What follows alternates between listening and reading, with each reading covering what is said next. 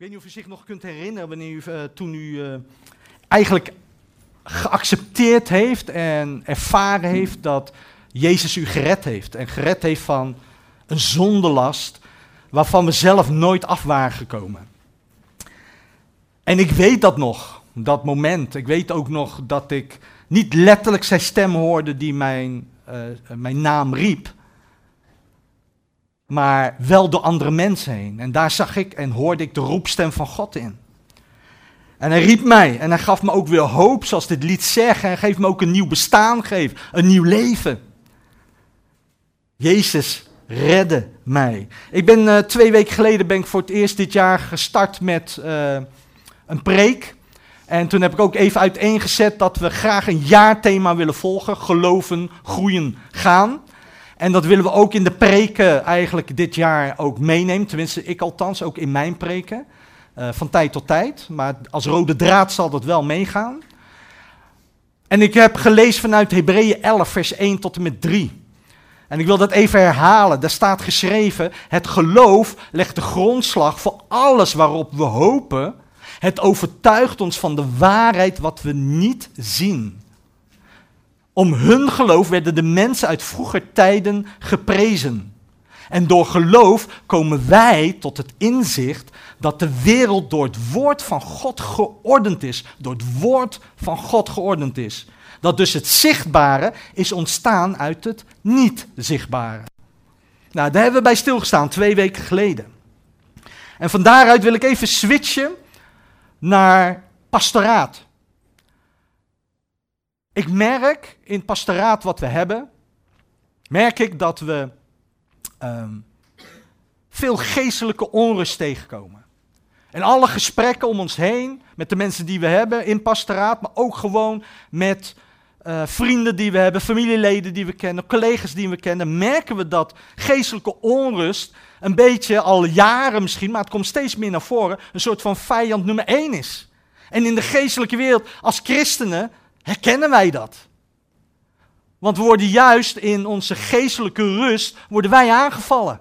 Maar die geestelijke onrust is dus niet alleen bij de christenen, het is wereldwijd.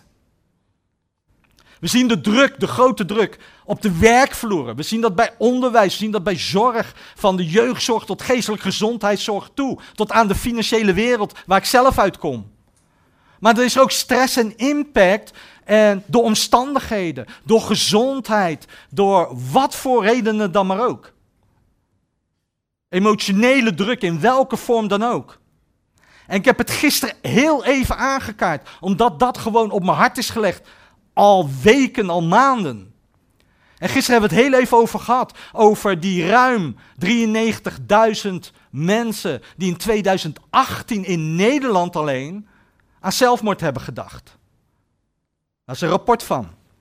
En we hebben het gisteren ook gehad over het feit dan dat in 2017 ruim 81 jongeren tussen de 10 en 20 jaar zelfmoord hebben gepleegd. In totaal waren er 1829 mensen en van die 1829 mensen waren 81 jongeren tussen de 10 en 20 jaar. En voor het eerst is in Nederland, toen in 2017, dat noemen ze, is er een psychologische autopsie in wetenschappelijk onderzoek gestart. Om meer inzicht te krijgen is hoe het komt dat deze jongeren zo ver zijn gekomen. En nabestaanden van 35 van die 81 jongeren die zelfmoord hebben gepleegd, deden aan dat onderzoek mee. En dat waren in totaal iets van 104 ouders, broers, zusters, docenten, hulpverleners. En als je dat rapport bekijkt, is echt heel indrukwekkend wat daar aan de hand is geweest in de levens van de verschillende jongeren. Allemaal unieke levens, maar waar men wel patronen begon te zien. En bij de meisjes zag men een iets ander patroon als bij de jongens, maar een patroon was wel zichtbaar.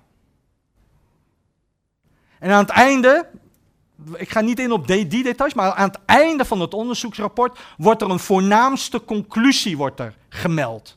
En die conclusie is dat er uiteindelijk door de jaren heen er een diepe, verdiepende kloof is ontstaan tussen die jongere die in de problemen zat en zijn of haar omgeving. Dus wat gebeurt er? Er staan een heel, heleboel ouders, docenten, hulpverleners staan om deze jongeren heen. En toch is er in de loop van de tijd is er juist een kloof ontstaan tussen deze jongen en diegene die hen willen helpen. En dan ja, een geestelijke onrust. Dat is vijand nummer één. En het is apart dat die conclusie wordt getrokken, maar het heeft me wel geraakt. Want die diepe kloof, daar hebben we het gisteren ook heel even over gehad, doet me denken aan die diepe kloof die is ontstaan tussen God de Vader aan de ene kant en de mensen aan de andere kant door de zondeval. Er was een verwijdering gekomen tussen God en de mens, die zo ver uit elkaar lag. Er zat zo'n diepe kloof tussen, dat daar geen mogelijkheid meer was dat de mens en Vader God weer bij elkaar konden komen. En dat is gek. Want de mens wandelde met God, zoals die jongeren wandelden met hun ouders, met hun hulpverleners. Zo wandelde de mens Adam met God elke dag. En toch ontstond er een kloof.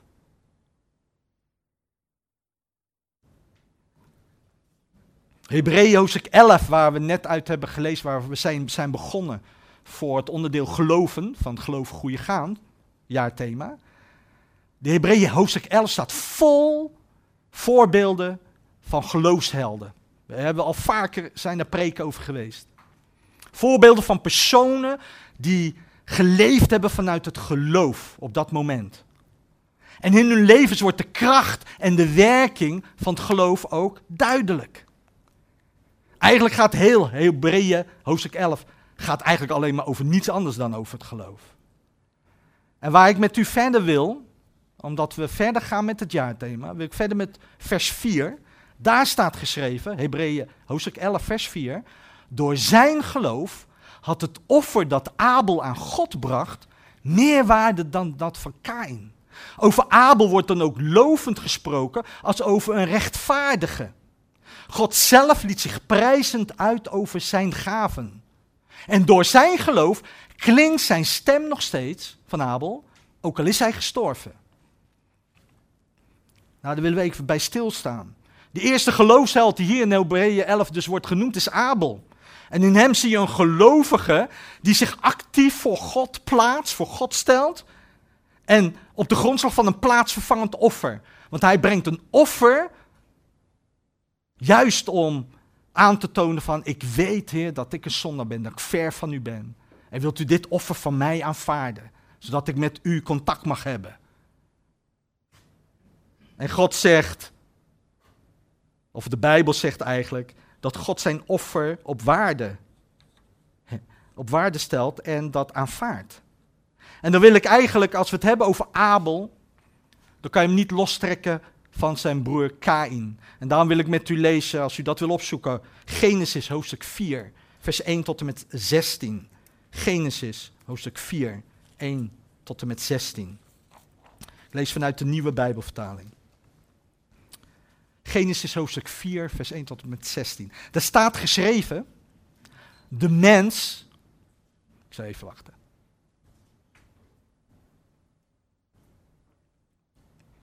De mens, Adam, had gemeenschap met Eva, zijn vrouw. En zij werd zwanger en bracht Kain ter wereld. En met de hulp van de Heer, zei ze, heb ik het leven geschonken aan een man. Later bracht ze zijn broer ter wereld, Abel. En Abel werd herder en Kain werd landbouwer. En op een keer bracht Kain de Heer een offer van wat hij had geoogst, van zijn land. En ook Abel bracht een offer. Van de eerstgeboren dieren van zijn kudde koos hij de mooiste uit. En de Heer merkte Abel en zijn offer op. Maar voor Kain en zijn offer had hij geen oog. En dat maakte Kain woedend. Zijn blik werd donker. En de Heer vroeg hem: Waarom ben je zo kwaad? Waarom kijk je zo donker?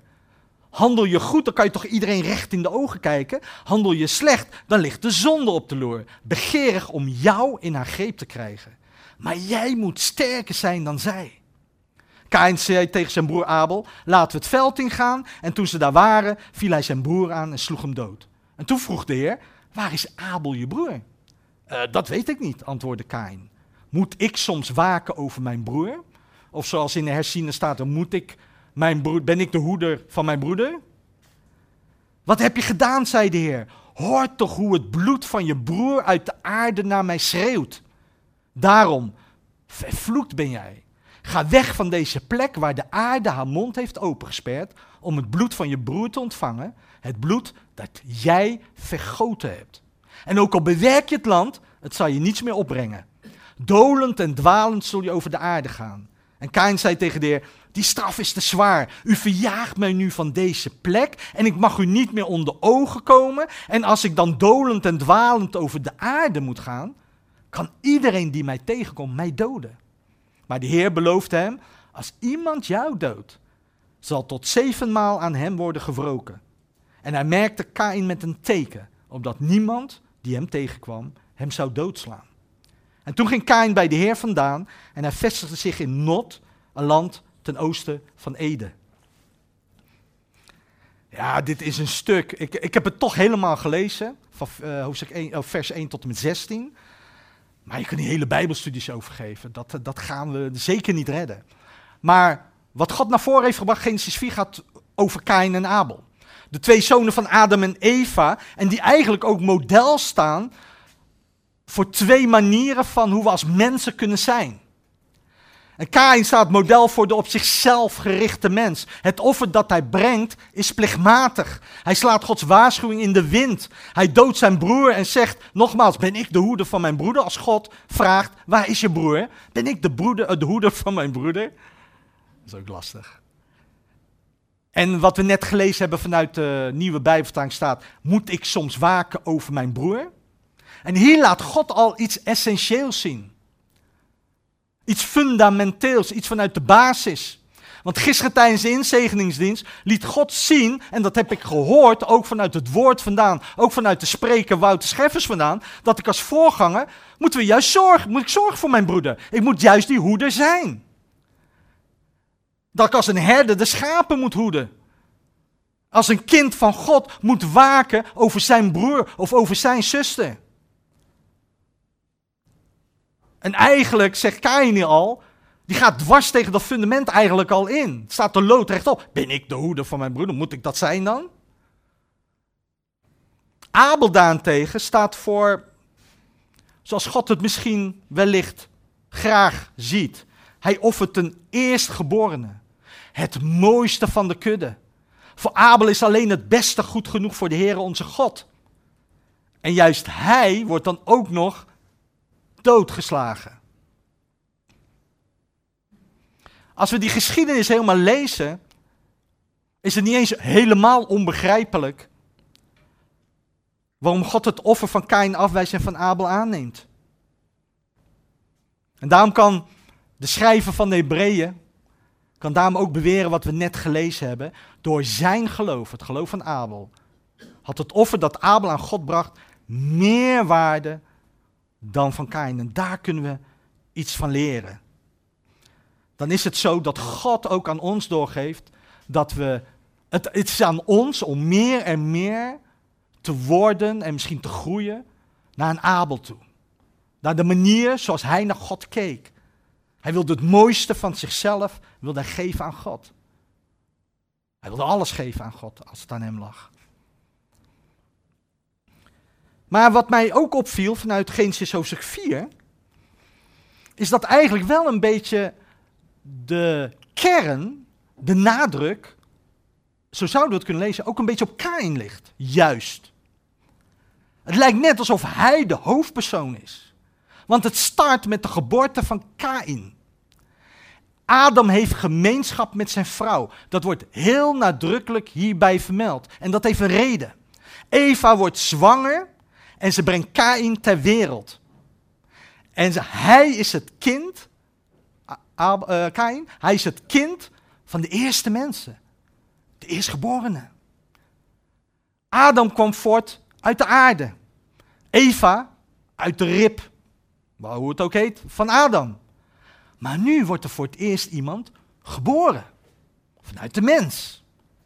De eerste bevalling. Eva baart Kain. Ik weet niet uh, wie, welke, wie hier allemaal kinderen heeft uh, gebaard. Ik heb mijn vrouw, ik was erbij, allebei de keren. En dat is geen pretje. Dat gaat met moeite. Het is super mooi als je ziet hoe dat kind, een klein wondertje, dan op de aarde komt. Maar de moeite die zijn moeder heeft, oeh. Dus hier zien we een eerste bevalling, eerste geboorte van een kind vanuit de mens. En Eva roept zijn naam uit. En ze geeft ook een verklaring voor die naam. Kain, wat eigenlijk betekent smid, speer, een beetje in die zin. Een man van staal heb ik ook wel eens gelezen dat dat uh, gekscherend gezegd werd. Maar een krachtige naam. Kain lijkt ook op het Hebreeuwse werkwoord, heb ik gezien, kana, wat verwerven betekent. Nou, je kan iets verwerven, van God verworven dus eigenlijk. Maar zij heeft met de hulp van de Heer, zegt zij, ik heb het leven geschonken aan een man. Wel met de hulp van de Heer, maar ik heb dat leven geschonken aan een man, zegt Eva. En dat lezen we terug. Verworven, want dat is wat Kana zegt, het Hebreeuwse woord. Verworven heb ik een man voor de Heer. En Kains naam wijst erop dat hij de mens is zoals hij is. Uit de vrouw, niet uit de Heer, door de Heer geschapen direct. Maar verwekt door een man en gebaard door een vrouw, net als wij. Kain kunnen we ook met ons vergelijken, of we ons met Kain. Oh ja, en dan hier zit een, een, een diepgang in. En dan zegt hij bij, oh ja, en Abel is er ook nog. En we zouden hem in dit gedeelte dat we lezen, zou je hem dan bijna vergeten als je ziet wat hier eigenlijk een soort van unicum van start is gegaan. Oh ja, Abel is er ook nog, die is ook geboren. Zijn naam betekent damp. En in de Bijbel heeft een naam altijd wel een bepaalde betekenis, zeker bij de geboorte.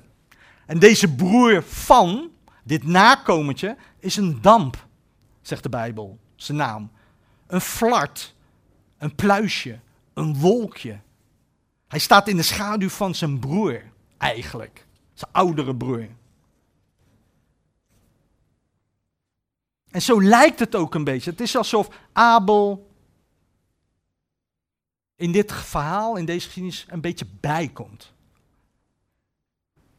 Nou, als Kain de hoofdpersoon in is, en wij ons ook vandaag een beetje mogen herkennen in Kain en ons willen vergelijken met Kain, dan kan het dus zijn dat het offer wat wij soms brengen voor de Heer, dat God daar soms geen oog voor heeft. En dan mogen wij ons zelfs afvragen, is dat mogelijk? Is het mogelijk dat God soms geen oog voor mijn inspanning heeft, voor mijn offers? En als dat zo is, hoe kan dat dan? Hoe kan het dat als ik mij inspan, uh, goede werken doe, dat God soms geen oog daarop slaat? Of het niet belangrijk vindt wat ik doe op dat moment? En dan ziet Kain, de man van staal, ziet dat God wel oog heeft voor het offer van Abel. Een dampje. Uh, in zijn ogen een minder iemand. Een kleine broertje, nakomertje.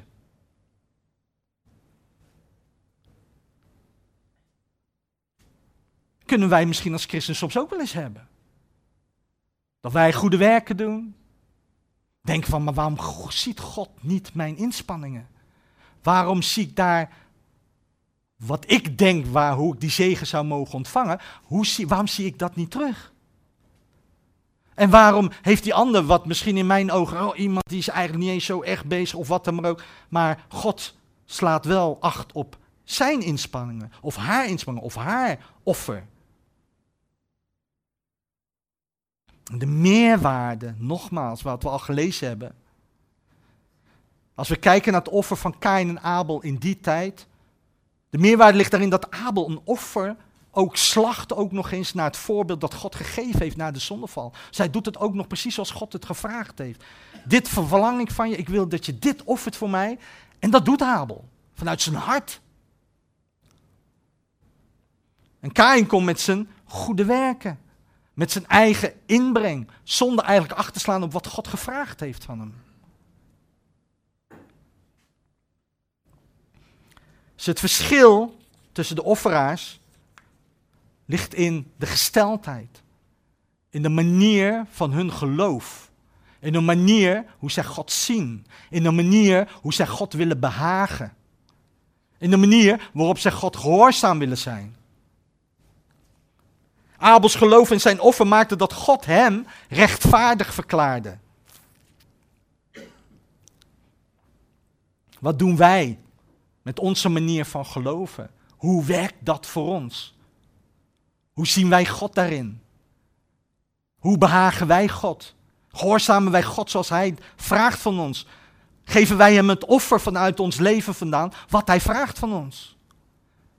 Of zeggen we van, Heer, ik heb 80 dingen voor u gedaan, maar ja, wat u vraagt, net iets te veel, Heer. En misschien zien we dat de ander die 80% niet doet, maar wel datgene geeft wat God vraagt. En dan is de vraag van, waar slaat God dan acht op? Zijn we gehoorzaam aan datgene, aan zijn roepstem?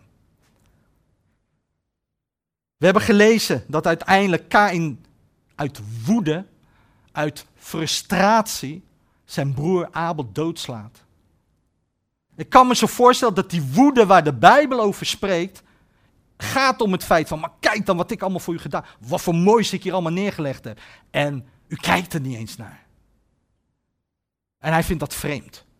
Hij raakt gefrustreerd. Een Abelse kleine broertje, een damp, pluisje, die geeft een offer waar God wel naar omkijkt en oog voor heeft. We hebben gehad over, als we teruggaan naar het pastoraat, naar die jongeren, naar die diepe kloof die is ontstaan tussen de jongeren en diens omgeving. We hebben het gehad over die diepe kloof die is ontstaan en de verwijdering tussen God de Vader aan de ene kant en de mens aan de andere kant. We zien hier ook de diepe kloof die is ontstaan tussen twee broers, tussen Kain en Abel. We kunnen het misschien ook wel zien in de geestelijke zin als we naar deze tijd kijken. En we kijken alleen maar al naar broeders en zusters, naar elkaar. Hoe soms de boze door geestelijke onrust in ons leven te leggen, soms een kloof brengt tussen broeders en zusters. Soms een kloof brengt tussen gemeentes. En ik denk dat gisteren, toen we daar zaten te bidden, met alle voorgangers, met alle oudsten vooraan, dat daar een soort van. Er was een eenheid. En we merkten van, sommige voorgangers heb ik begrepen, die zagen daar elkaar voor het eerst. Maar we gingen samen zingen. We zaten samen met de hele gemeente, met alle aanwezigen, hebben we samen gezongen. We hebben samen gebeden. En we merkten en we proefden, tenminste ik voelde dat, proefde althans, en sommige uh, medevolgers hebben dat bevestigd. We merkten dat God kloven aan het overbruggen was. Niet letterlijk wat ze zeiden, maar waar het wel op uitkomt. Te connecten. Opnieuw. Ook al ben je verschillend, ook al denk je als uh, voorgangers misschien anders, ook al denk je als gemeentes ook misschien totaal anders, eh, misschien als broer en zussen, hier al, in één gemeente. Maar God komt door zijn geest, omdat je gezamenlijk erin ging staan en zocht naar eenheid, zocht naar gezamenlijke strijd, gezamenlijk gebed. En zoeken naar elkaar, om die kloof te overbruggen, heeft God zijn zoon ingezet. Die de brug is tussen God de Vader en de mens. Die de brug en de middelaar is tussen broers. En dan gaat opeens weer werken, ik wil de hoeder van mijn broeder zijn. Ik wil waken over mijn jonge broertje of jonge zusje. Dat wij niet als een K in zullen reageren, en dan geestelijke onrust juist krijgen. En dat zal het alleen maar voeden. En geestelijke onrust die kan leiden tot schrijnende daden. Een jongere die zich totaal alleen voelde, geen uitweg meer zagen. Wellicht dan God ook niet meer niet kenden. Of niet meer bereikbaar waren voor het evangelie. Wie zal het zeggen? Hebben wij Kijken wij genoeg om naar onze broers en zussen? Kijken wij genoeg om naar onze jongeren, naar onze tieners? Willen wij hun hoeden? En willen wij hun ook behoeden voor dit soort ontwikkelingen? Want het kan zijn dat ouders, dat het lijkt, ze zitten Ouders zitten eromheen. Broers en zussen zitten eromheen. Hulpverleners zitten eromheen. Wij met pastoraat zitten er misschien omheen. En dan kan het toch nog voorkomen dat er een kloof ontstaat. En dat ze zich totaal alleen voelen. Dat is voor mij niet te verteren. Voor ons als christenen denk ik niet te verteren. Wij mogen elkaar hoeden. God wil dat we onze broers en zusters hoeden. Dat is niet alleen voor de voorganger. Ik moet dat ook doen. Maar het is een taak van ons allemaal. Paulus beschrijft het ook in de strijd tussen vlees en geest. Want ook hier, als we nog dieper gaan kijken, in onszelf. Paulus zegt in zijn, waar is dat, waar zegt hij dat ergens in Romeinen 7, vers 18 tot en met 20. Ik besef dat in mij, op mijn eigen natuur, het goede niet aanwezig is. Ik wil het goede wel, maar het goede doen kan ik niet. Wat ik verlang te doen, het goede, laat ik na. Wat ik wil vermijden, het kwade, dat doe ik. Maar wanneer mijn daden in de strijd zijn met mijn wil, ben ik daar niet zelf de oorzaak van, maar de zonde die in mij heerst. Nou, wij mogen aan tafel gaan. Er is een middelaar. Er is één naam, Jezus Christus. En die naam heeft ervoor gezorgd, die persoon heeft ervoor gezorgd dat de kloof er niet hoeft te zijn.